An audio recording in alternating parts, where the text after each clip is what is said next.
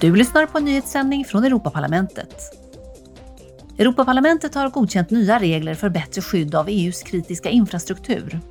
De nya reglerna harmoniserar bland annat begreppet kritisk infrastruktur medlemsländerna emellan.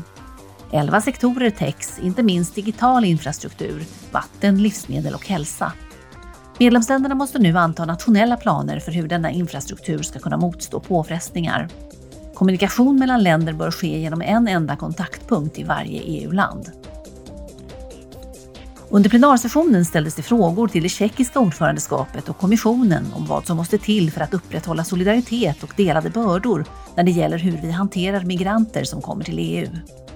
Debatten fokuserade på olika sätt att få fart på reformen av den gemensamma migrations och asylpolitiken före EU-valet 2024.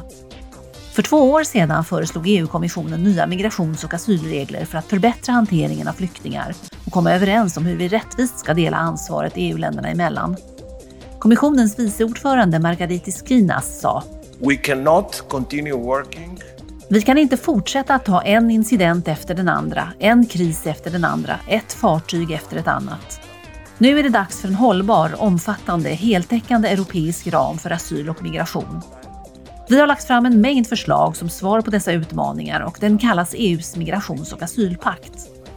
Pakten ska förbättra medlemsländernas förmåga att hantera migration med hjälp av ett system som grundar sig på EU-lagstiftning och gemenskapsmetoden. on a system based on EU law and the community method. Parlamentarikerna förlängde också de nuvarande restriktionerna för EU-fartyg som fiskar i andra EU-länders vatten. De gäller nu i tio år till.